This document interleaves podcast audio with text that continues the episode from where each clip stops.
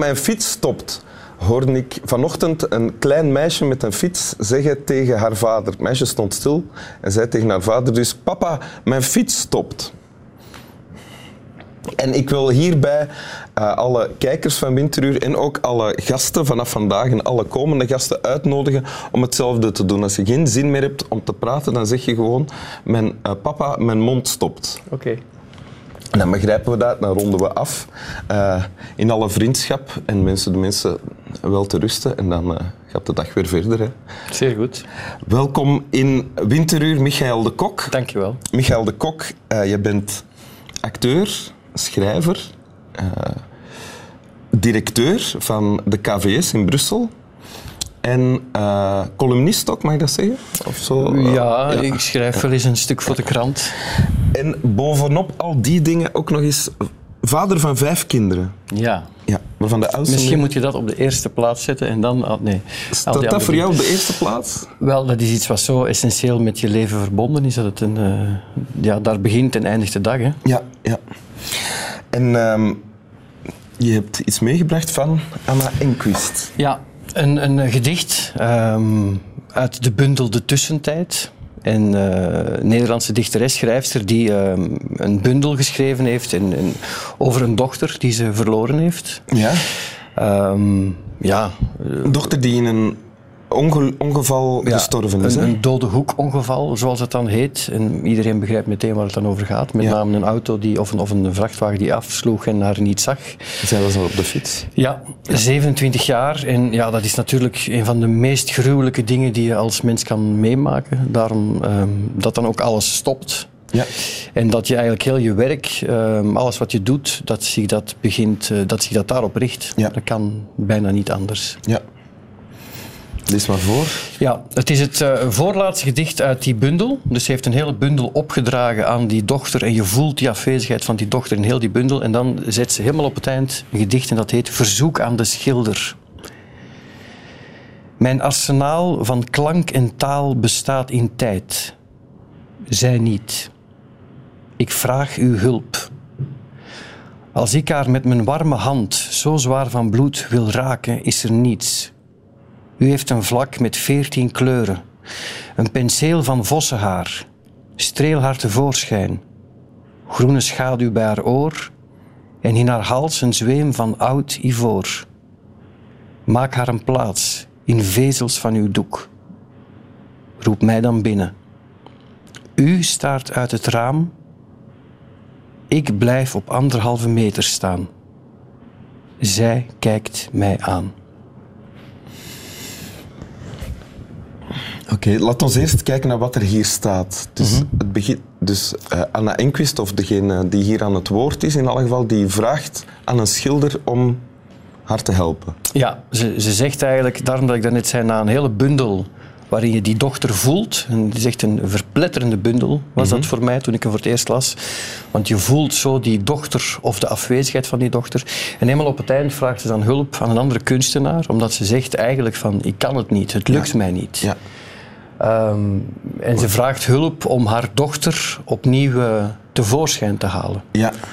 Want, uh, ja, dus zij zegt, ik schiet tekort, of mijn, mijn arsenaal, hè, ja. uh, daarmee lukt het niet. Aha. Wil u haar schilderen? Ja, eigenlijk haar middelen schieten tekort. Hè. Ze, Enquist is een, is een uh, psychiater ook, heeft, heeft muziek gestudeerd.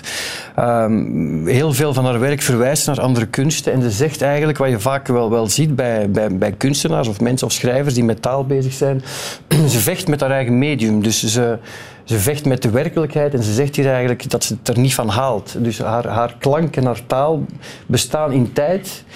Um, de dochter niet. De dochter staat buiten de tijd. Dus alsof die in een zone zit die ze niet meer kan bereiken. Ja. Um, onlangs zag ik een documentaire um, van Nick Cave. die zijn zoon verloren is? Ja, ja. Uh, Skeleton Tree. Mm -hmm. Die er een album over heeft gemaakt onwaarschijnlijke documentaire waarin hij ook zegt van, uh, dat hij zich niet kon voorstellen dat hij, dat hij, ooit zo intiem zou praten met een camera bij over wat hem overkwam. En hij, zegt ook, hij heeft het ook over tijd, want tijd natuurlijk, en hij zegt de tijd is sinds de dood van mijn zoon elastisch, dus ik ga er wel van weg, maar ik kom er altijd, ik word er, word er altijd naar terug gecatapulteerd, alsof het een ja, het is een, het is een onherroepelijke breuk. Ehm, wat zij dan vraagt is en, en, en aan die schilder, en, en ze vraagt daar eigenlijk ehm, ja, die hand zwaar van bloed, eh, de hand die schrijft, maar zij die nog in leven is, en ze vraagt eigenlijk aan de schilder die veertien kleuren heeft, eh, een penseel van vossenhaar. Dus je, je voelt daar op een bepaalde manier toch het materiële in, haar, kleuren. Ja. Uh, tevoorschijn. Ehm, in de vezels van het doek staat er dan ook. Dus op een bepaalde manier vraagt ze van... Ehm, maak die dochter terug materieel. Ja, voelbaar. Ja, uh, maak er een plaats in de vezels van uw doek.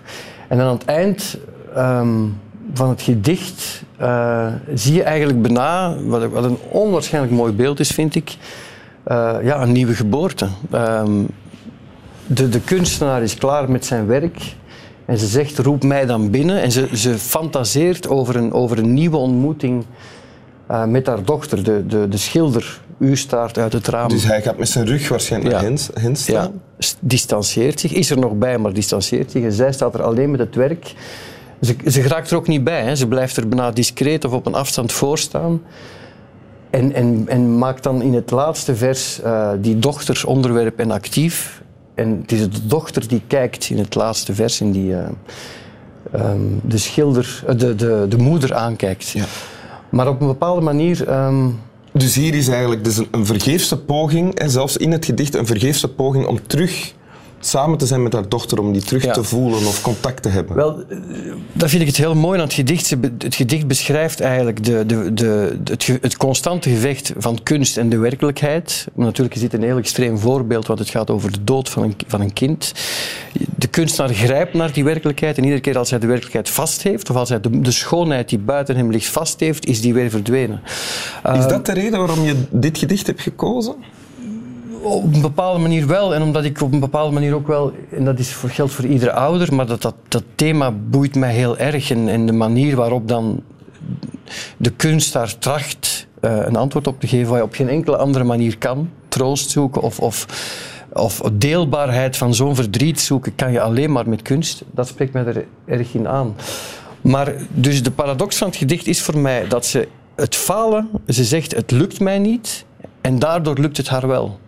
Misschien niet voor zichzelf, maar, de, het, ze, maar wel voor jou als ja, lezer. Ja. Dus jij ervaart het als troostrijk. Ja, ik ervaar. Uh, Terwijl jij al je kinderen nog hebt. Ja, gelukkig. maar natuurlijk. Uh, ja, maar je ervaart. De, de, natuurlijk heb je allemaal die angst, maar je ervaart de, de mogelijkheid van het delen. En in het delen krijgt op een bepaalde manier die dochter, hoe ontroostbaar dat voor haar ook is, een nieuw leven. Wat bedoel je met het delen?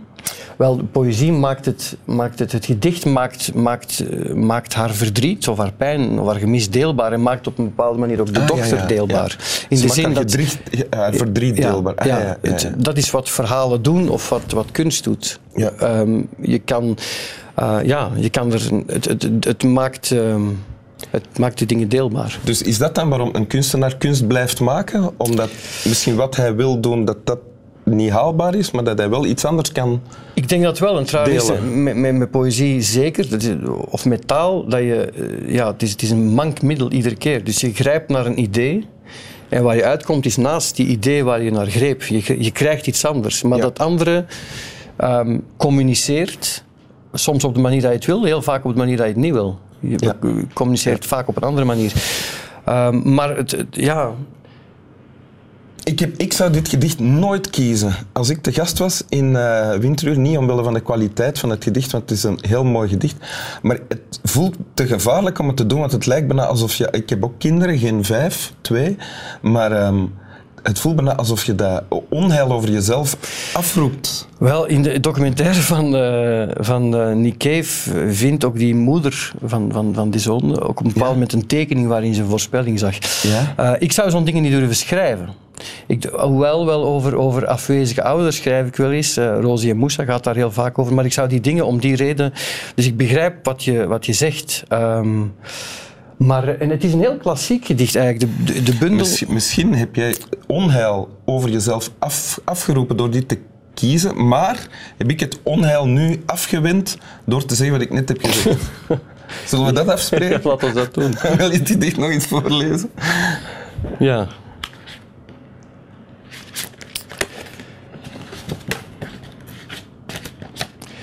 Verzoek aan de schilder.